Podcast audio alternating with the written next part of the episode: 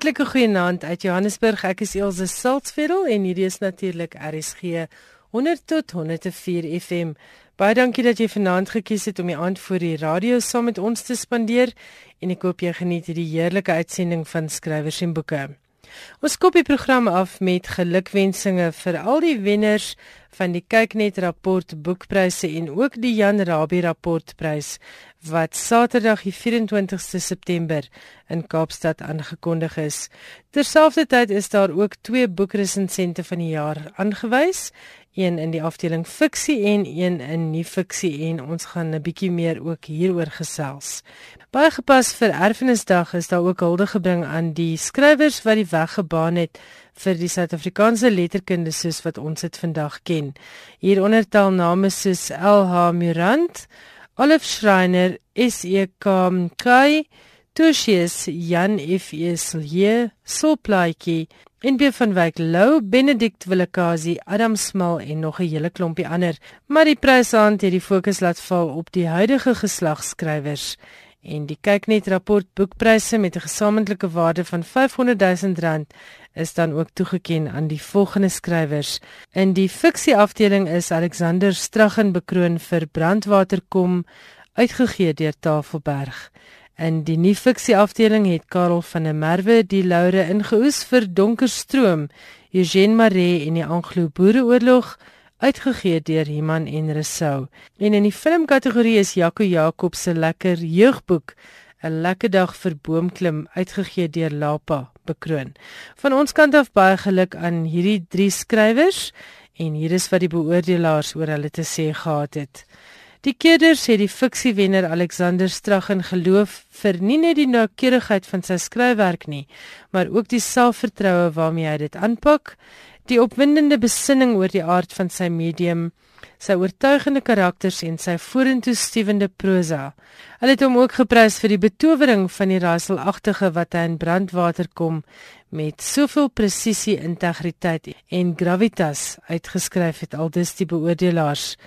Besondere waardering is ook uitgespreek vir die bedrieglik eenvoudige en ek haal aan standaard vlag waarmee die nuwe fiksiewenner Karel van der Merwe die verwikkelde selfs verradderlike lading onder die dek versteek in Donkerstroom, Eugene Maree en die Anglo-Boereoorlog. Volgens die keerders het van der Merwe 'n nis oopgeskryf binne 'n gewigtige gevestigde korpus oor hierdie Afrikaanse skrywer en boonop een wat verrassende nuwe insigte oor Maree oplewer en terselfdertyd wegkalwe aan ander sekerhede literêr en polities waarvan die implikasies breër uitkring. Jaco Jacobs se jeugboek 'n goeie dag vir boomklim het veral een keerder so betower dat hy nie kan wag om dit op die silwerdoek te sien nie. Volgens Gerrit Skoonhoven, natuurlik ook self 'n uh, TV en filmregisseur, kry die boek dit reg om oom soos hy weer te laat lees met die hart van 'n kind, oop en ontvanklik vir die groot waarhede en insigte wat daarin vervat is. Die kyker sal weer eerste liefde beleef en ook rebellie, konflik met ouers, tienerangs en vervreemding. Dan is daar ook ontwaking en die besef dat mens moet en kan opstaan en beklei vir 'n boom of 'n saak waarin jy glo. En sê Gerrit, die boek leer 'n mens ook van ophou beklei, want anders raak jy beklei partykeer groter as die ding waarteen jy beklei.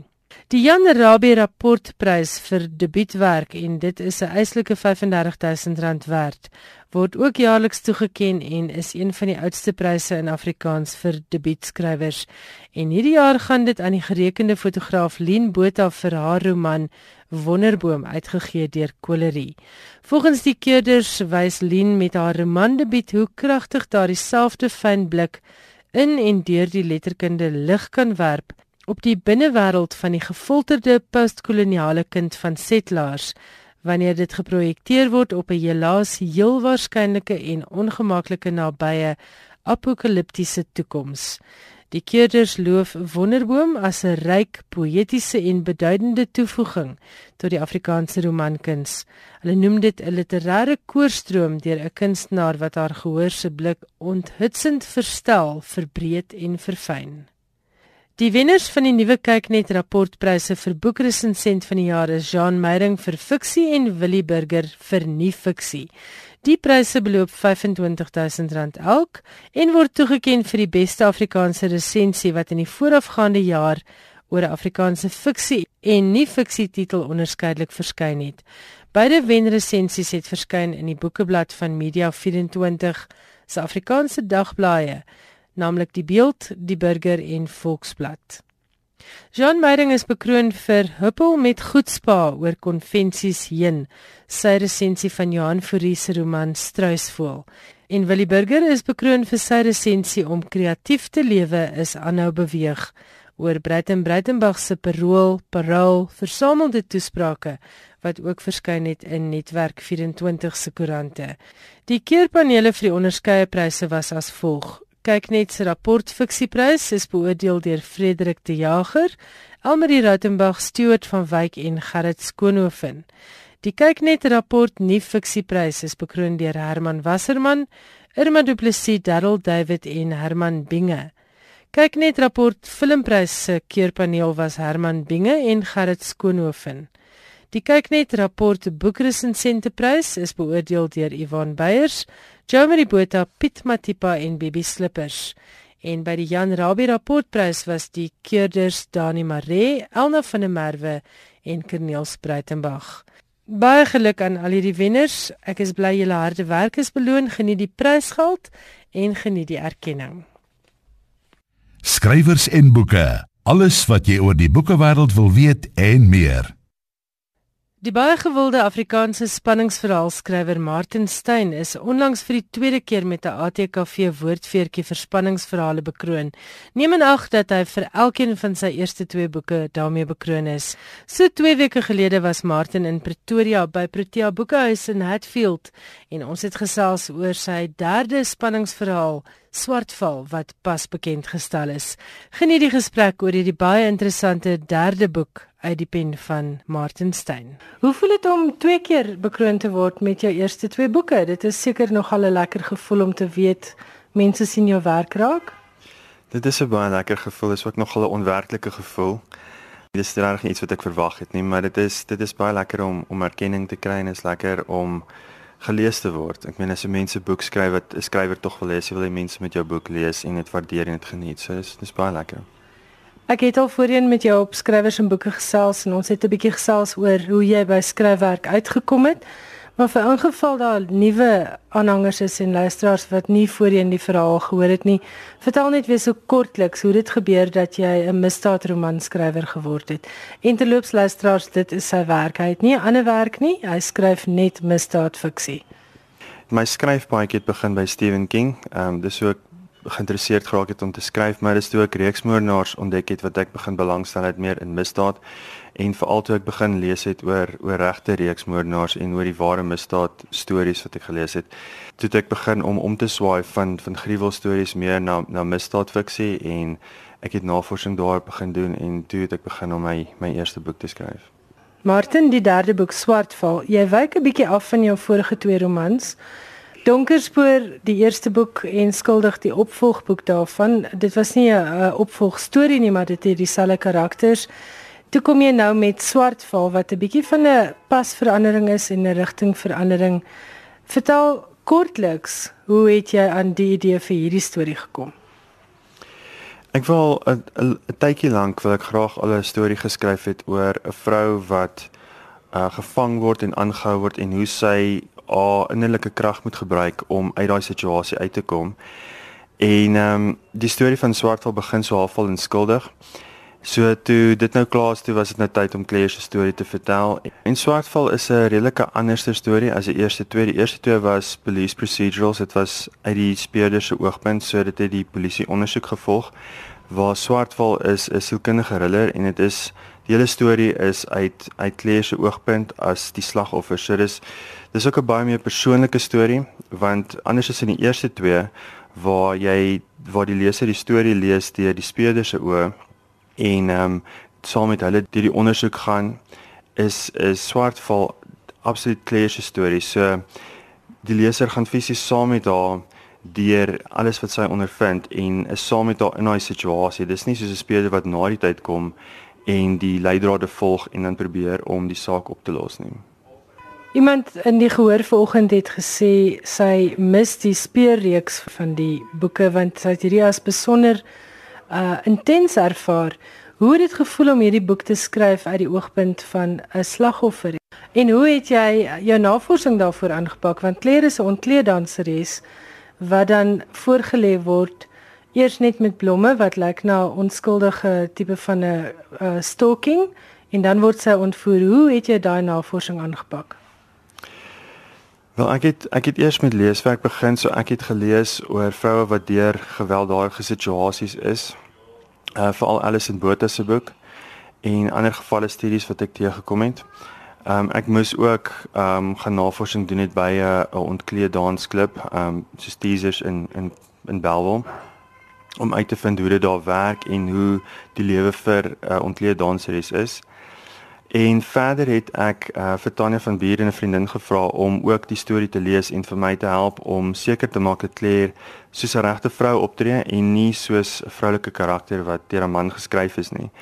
Ehm um, want vroue dink mos nou maar anders en voel anders en ervaar en reageer anders as mans en ek wil graag hê Claire moet 'n realistiese regte vrou wees en nie net 'n karakter nie. So Tanya het baie gehelp om te kyk na die dinge waaraan ek nie gedink het nie um, om seker te maak dat Claire geloofwaardig is.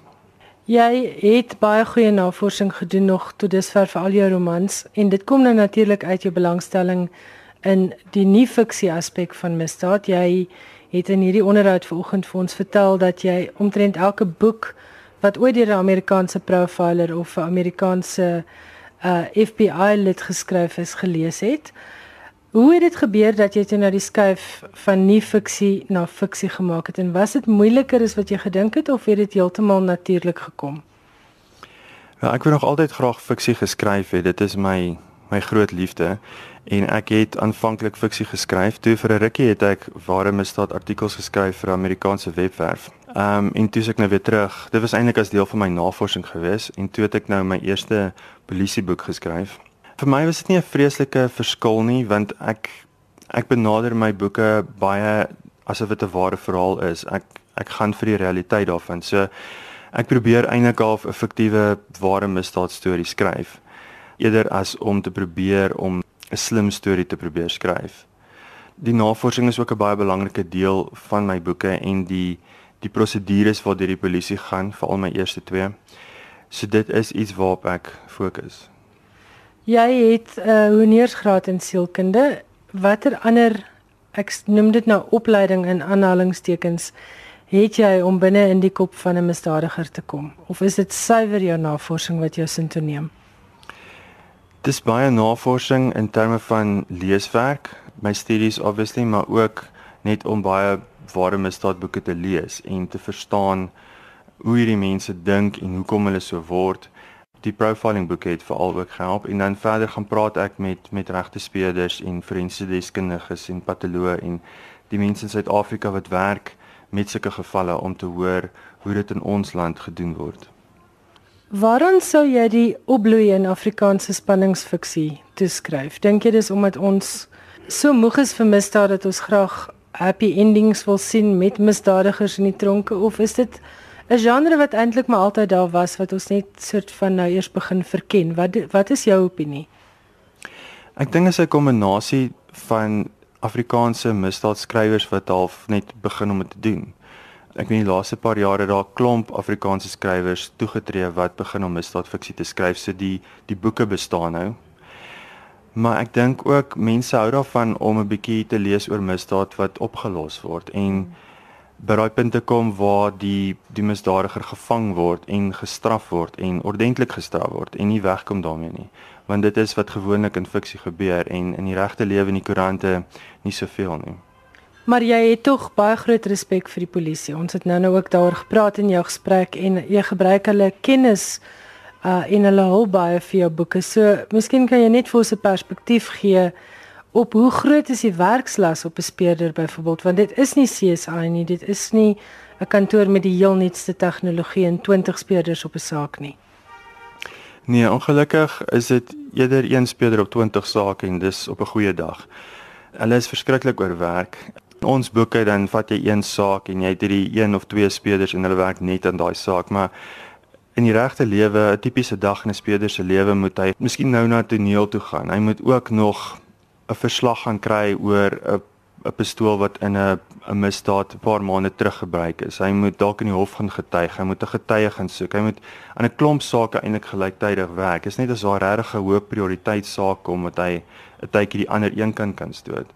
Maar ek meen dit moet nog steeds gedoen word. So hulle lesenaars is vol dossiere. Hulle het nie meer daai daai leksheid om al hulle energie aan een saak te spandeer nie en dit is baie moeilik.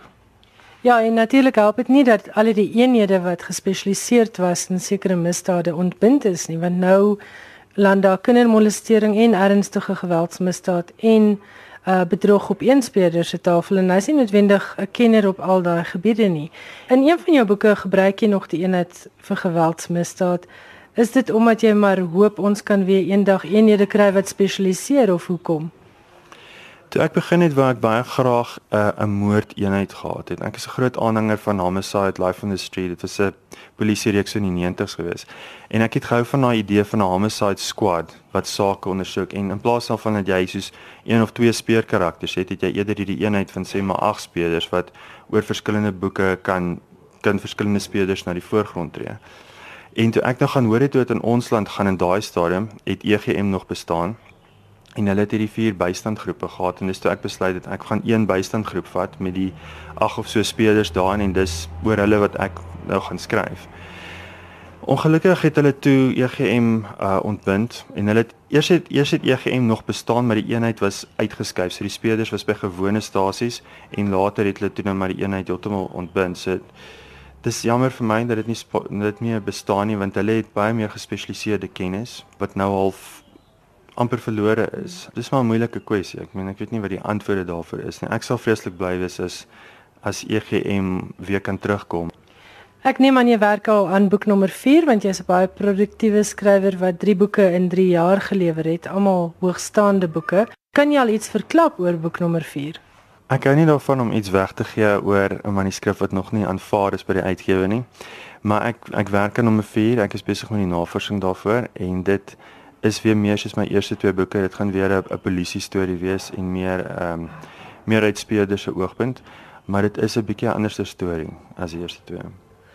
Ek wil vir jou 'n ander ding vra. Jy skryf nou voltyds, maar hoe lyk jou skryfroetine? Het jy byvoorbeeld vaste tye elke dag wat jy werk of doen jy jou navorsing eers en daarna skryf jy? So vertel vir ons 'n bietjie van die proses van 'n boek van 'n idee neem na iets op die rak. Ongelukkig het ek nie heeltemal 'n vaste roetine nie. Ek wens nog gelyk het een gehad.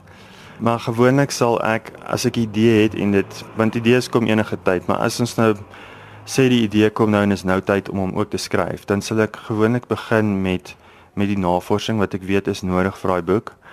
En ek sal ook die karakterwerk doen en die hoofkarakters bietjie as dit val as hulle nou nuwe karakters is, bietjie ehm um, dink oor hulle en en hulle leer ken voordat ek begin skryf.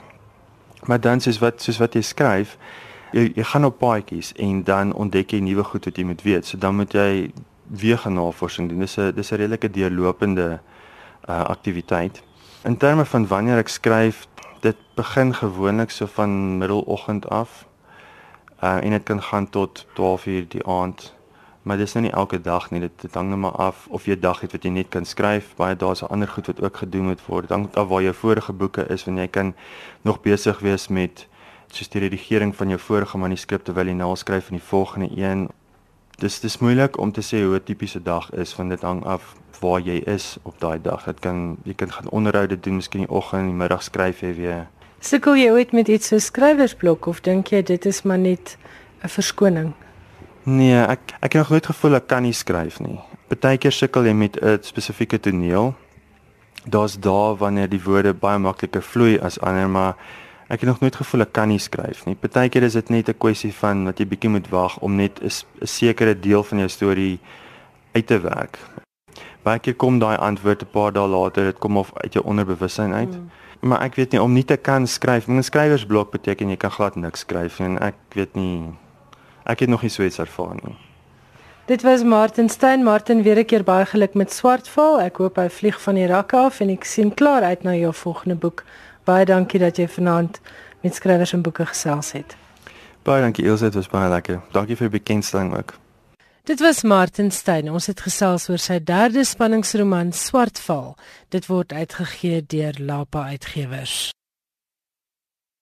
Nou op 'n heel ander noot. Die jongste en postieme publikasie van TT Kloete, genoem Die Groot Misterie van Twee Vroue, Briewe aan Anna, het pas by Puka Uitgewers verskyn en die amptelike bekendstelling daarvan is volgende week tydens Aardklop op die 6de Oktober om 04:30 die middag word TT Kloete se nuwe boek by die ATKV Boeke Oase bekend gestel. Bernard Odendaal en Helena De Plooy albei verbonde aan die skool vertale aan die Noordwes Universiteit gaan in gesprek tree oor hierdie aangrypende postieme publikasie. Bernard sal ook dele uit hierdie briewe voorlees. Volgens die uitgewer van Puka, Annetjie Botha Du Plessis, is hierdie jongste bundel saamgestel uit briewe wat TT Kloete vir sy vrou Anna geskryf het. Hy het begin daarmee toe sy in 2002 met ongeneeslike kanker gediagnoseer is en net 3 maande lewensverwagting vir haar voorspel is. Hy het weens emosionele redes nooit die briewe vir haar gegee om te lees nie, maar aangehou met die skryf daarvan totdat sy in 2007 oorlede is.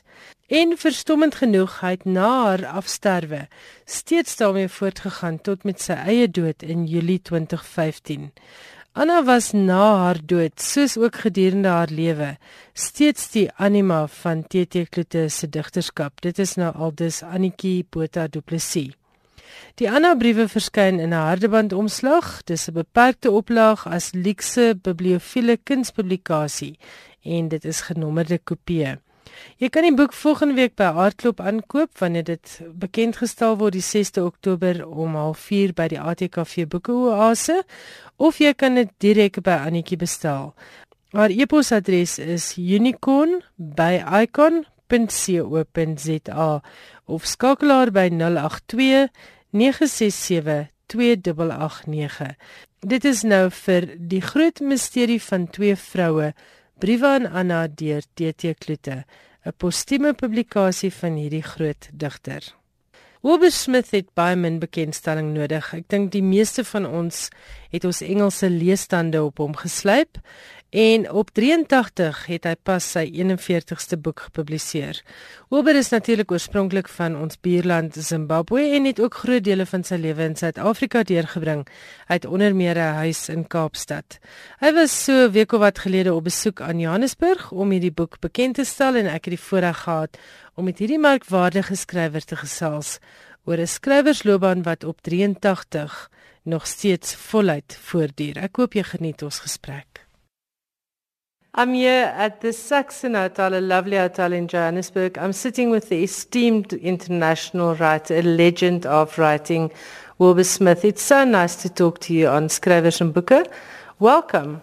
Thank you very much, and it's nice to meet you again. In our previous interview, we've spoken extensively about your earlier career.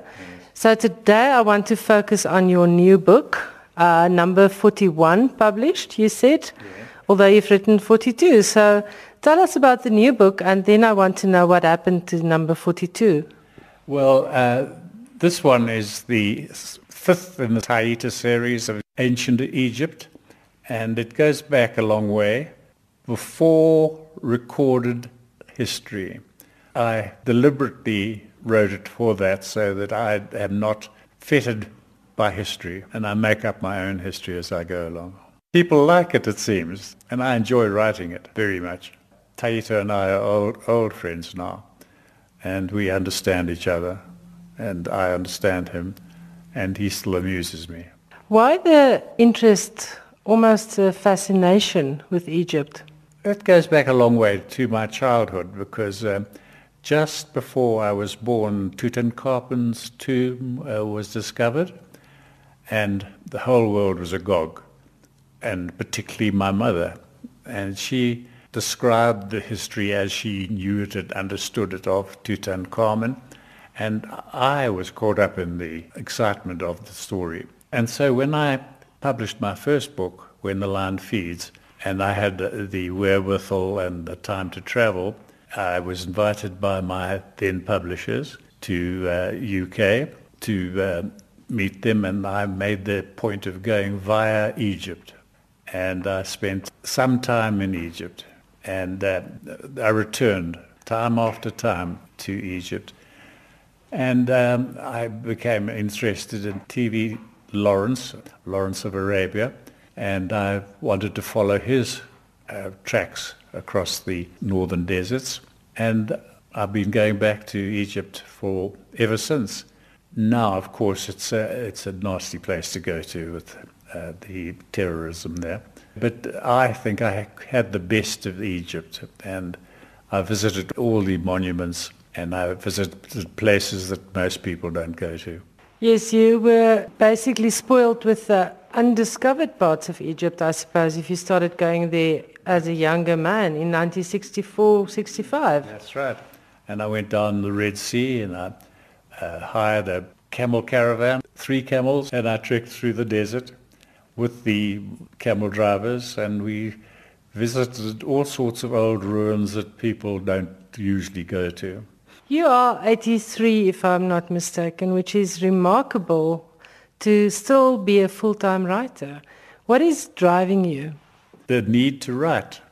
At school, the only thing I really excelled at was essay, and I got school prizes for it. So that's the first rewards I ever got from writing. And um, I've written all my life. When my father said to me, what are you going to do um, when you leave school? I said, well, I'm going to write. I'm going to be a journalist. And he said, don't be an idiot. You'll starve to death. Go and get a real job.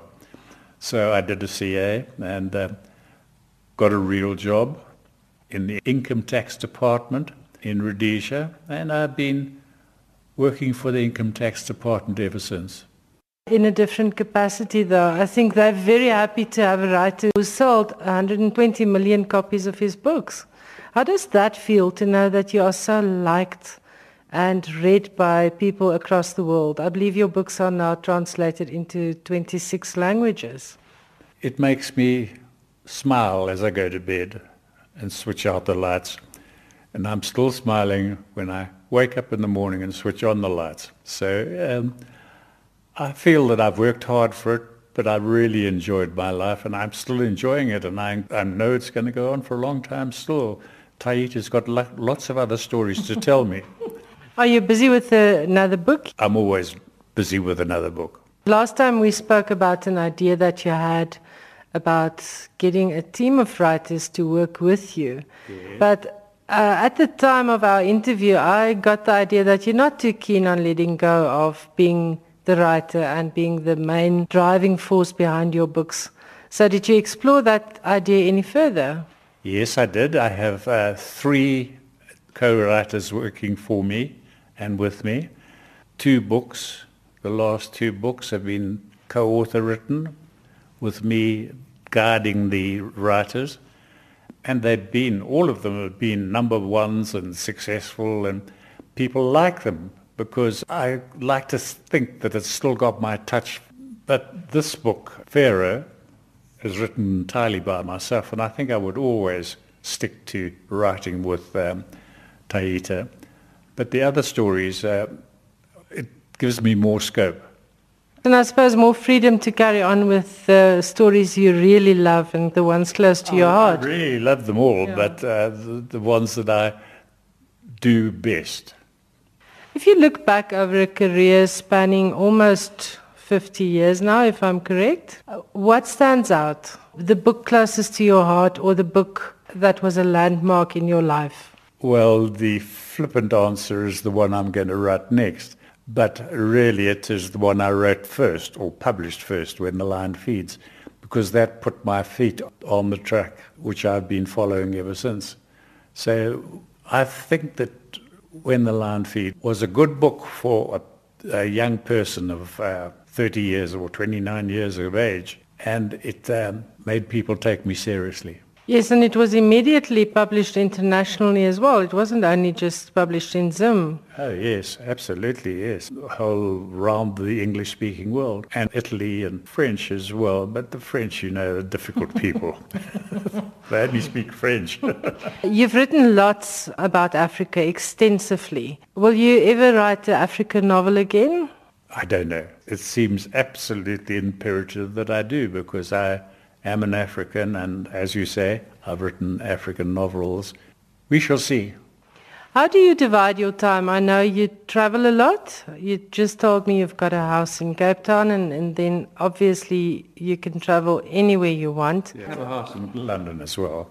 So we travel north-south, which I prefer to do now. I don't enjoy going east-west or west-east because uh, that you're going with or against the clock. I don't enjoy that very much anymore.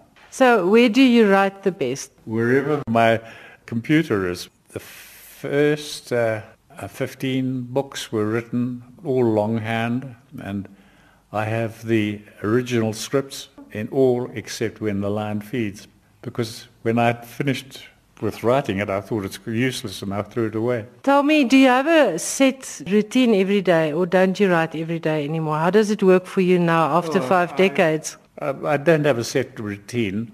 I, I, read a lot these days, which uh, I didn't take the time to do previously, but now I, I enjoy reading and I've got a, a number of people who send me books or tell me that this book's good or that mm. book's good including my wife. She's not actually uh, English speaking or wasn't born an English speaker. When I met her, she had a very limited English vocabulary. But now, boy, she outdoes me. Which works do you enjoy reading? Any specific authors that you like, or what genre? Let me ask it that way. I, I like, uh, how can, can I say, uh, adventure books. Modern adventure, ancient adventure, all adventure, but I like action. And I like good love stories. I like everything, you know, as long as it's well written. And uh, if you read a lot, you select those books in your mind which are really good. And even if I pick up a book and I don't like what the, what the contents are like, I always read it to the end to see why I don't like it and to avoid the mistakes that that writer has made. So you're still learning? Absolutely. What is the biggest single tip you can give to an aspiring writer? Never give up. If, if at first you don't succeed, you know the old uh, uh, logo, but uh, if you're going to be a writer, it's, uh, it's not easy, but it's very, very well, well worthwhile. In so gesels Wilbur Smith. Ek en hy het hier in Johannesburg gesels toe hy hier was vir die bekendstelling van sy 41ste boek Pharaoh. Dit word uitgegee deur Jonathan Bull Publishers. Nog 'n internasionale boek met 'n besliste Suider-Afrikaanse koneksie is Penguin se The Book of Joy wat geskryf is deur aartsbiskop Desmond Tutu in samewerking met sy groot vriend die Dalai Lama. Die twee geestelikes het 'n week saam deurgebring tydens die viering van die Dalai Lama se verjaarsdag en hulle gesprekke oor vreugde het gelei tot hierdie boek. Die boek is nie net 'n vertelling van hulle eie persoonlike lewensverhale en die deel van hulle eie wysheid nie, maar hulle deel ook nuwe wetenskaplike insigte rondom vreugde met die leser en natuurlik ook dit wat hulle in hulle eie lewe doen om meer vreugde te verseker. Jy kan deel wees van hierdie baie besonderse boek deur deel te neem aan die Share the Joy veldtog. Deel eenvoudig iets wat vir jou vreugde verskaf met die hitsmerk Share the Joy en kyk hoe hierdie boodskap van vreugde oor die wêreld heen spoel. Share the joy, wees op die uitkyk daarvoor op Instagram, Facebook, Twitter en alle sosiale media platforms. Share the joy na aanleiding van The Book of Joy deur die aartsbiskop Desmond Tutu en die Dalai Lama. Die boek word uitgegee deur Penguin Uitgewers. Johan Meiberg is nou by my in die ateljee met sy gebruikelike internasionale boeke nuus. Johan, goeienaand. Wat is alles op jou lysie vanaand? Dankie. Ons praat oor die Wêreldboekedag in Brittanje, die Writersm Prize, iets oor die Oxford English Dictionary en iets oor Frederick Forsyth. Ons begin met die Wêreldboekedag in Brittanje wat elke jaar op 2 Maart gevier word.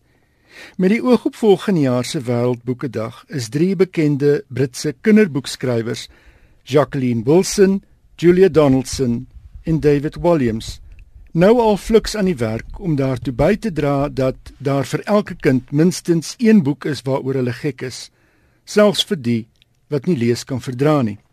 Regdeur Brittanje word op die dag boeke wat slegs 1 pond kos beskikbaar gestel vir jong lesers.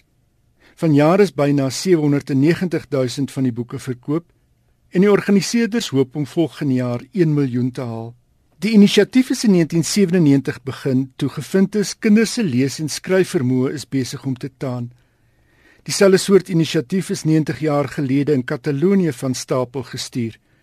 En in 1995 het UNESCO sy gewig ingegooi en 'n jaarlikse boekedag ingestel wat wêreldwyd gevier word. Volgens Gail Rubek wat sedert 1997 betrokke is by die Britse Wêreldboekedag en wat ook Britse voorsitter is van Penguin Random House, was kinders se leesvermoë in 1997 op die punt van 'n nasionale krisis. Die vorige jaar het die regering 'n verslag bekend gemaak wat daarop gedui het dat soveel as 42% van 11-jariges nie daarin geslaag het om vlak 4 in lees en skryf te slaag nie. En ek dink dis min of meer die situasie waar ons ons tans bevind al wil die regering ons nou wys maak dat graad 6 kinders se leesvaardighede fenomenaal verbeter het van die vorige lesing af. Maar wat 'n wonderlike inisiatief om boeke so goedkoop te maak. Presies. Daar's ook 'n inisiatief om 'n klomp boeke gratis weg te gee. Ek dink dit is iets waaraan Suid-Afrikaanse uitgewers miskien wel kan dink. Ek weet ons uitgewers doen baie om byvoorbeeld vir skoolbiblioteke en so darm hier en daar 'n boek te skenk, maar Ek dink ons moet 'n kinderboekedag in Suid-Afrika hê. Ek dink dit kinders is aan die lees te ja, kry. Ja. Wat staan nog? 'n 20-jarige mediese student aan die Makerere Universiteit in die Okandese hoofstad Kampala is einde verlede maand aangewys as die wenner van die Wrightism kortverhaal kompetisie. Die kompetisie is deel van die Wrightism fees wat jaarliks in Kampala aangebied word.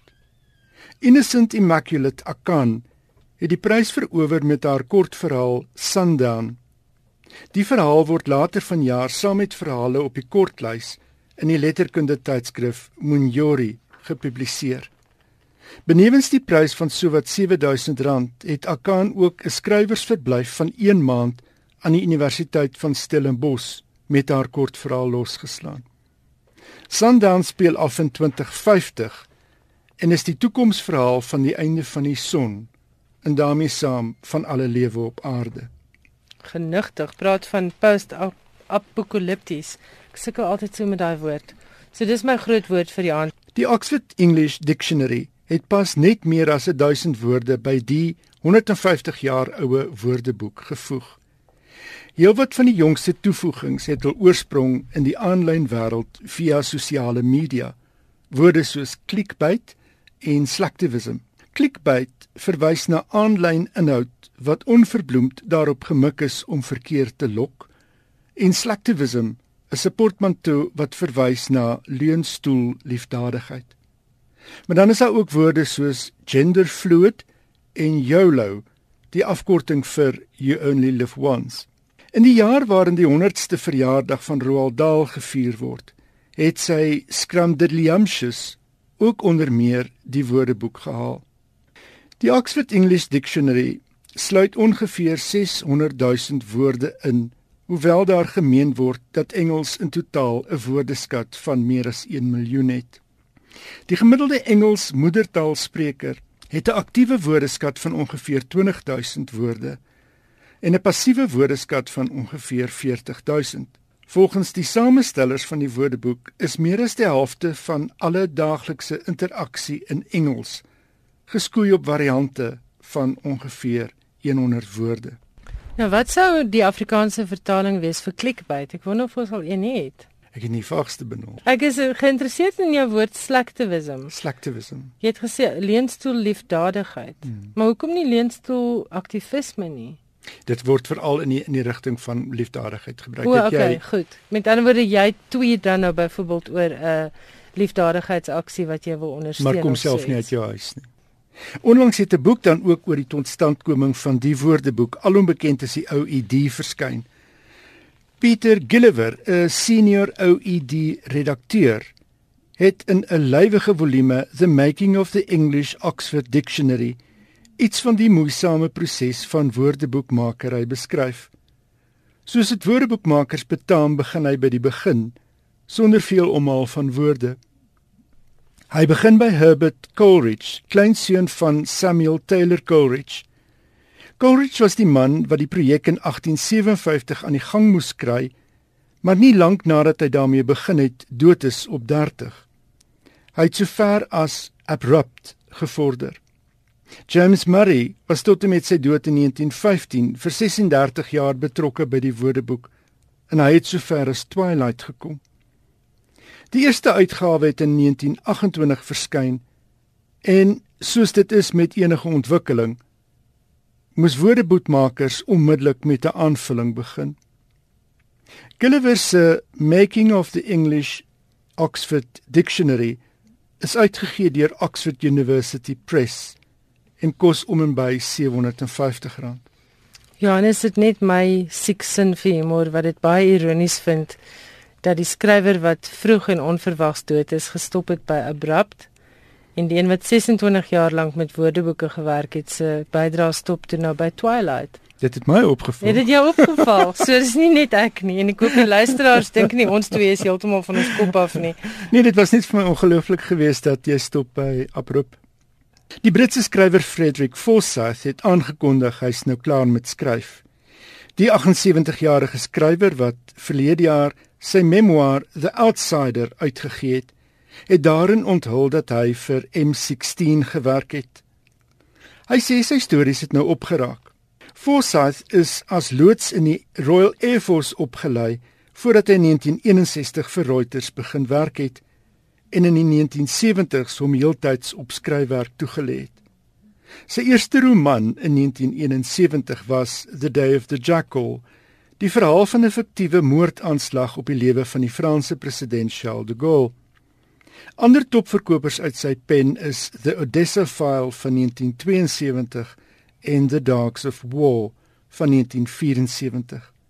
Meer as 70 miljoen eksemplare van Forsyth se boeke is verkoop. Dis interessant. Dit is hoekom daai Day of the Jackal so ongelooflik opslag gemaak het, want dit was waarskynlik gegrond op baie van sy eie ervaring in die geheime diens. Mhm. Mm Ek kon daai daai boek het golwe deur die Inderdaad. En, en daar's 'n film gemaak daaroor. Daar's 'n rolprent gemaak, maar dit is ook gekoppel gewees aan die Algeriese bevrydingsstryd. Ja, ja. Weet jy nou, nou dat jy dit noem, ek moes met my onderhoud wat ek verlede week met Wilbur Smith gevoer het, moes ek eintlik vir hom gevra het of hy op 83 dit al oorweeg het om 'n memoir te skryf, want ek dink hy het 'n baie vol en ryk lewe gehad. Wat staan nog op jou lysie? Dis dit. Goed, baie dankie. Volgende week is Johan Meiburg terug met nog internasionale boeke nuus. Baie dankie Johan. Dankie. daarmee die tyd nou aangebreek om te groet. Volgende Woensdag aand is skrywers en boeke weer terug, dieselfde tyd 8uur, dieselfde plek daar voor jou radio en natuurlik weer op RSG 100 tot 104 FM. En dan gesels Corina van der Spool met die letterkundige Jacomien van Niekerk oor die nuwe fiksiewerk van Auntie Krog. As jy vir my e-pos wil stuur, my adres is skrywers en boeke by rsg.co.za of stuur 'n SMS na die ateljee by 34024. Elke SMS kos natuurlik 'n rand. Hierdie program is beskikbaar as 'n potgooi vir ingeval iemand wat jy ken dit wil luister of vir ingeval jy dit wil gebruik by julle boekklub besprekings. Julle is baie welkom. Baie dankie dat jy saam geluister het. Ek is dan volgende Woensdag aand weer terug, maar moenie nou al die radio afskakel nie, want ons het heerlike musiek so saamgestel deur my kollega Tarin Oosthuizen. Geniet die res van jou aand. Totsiens.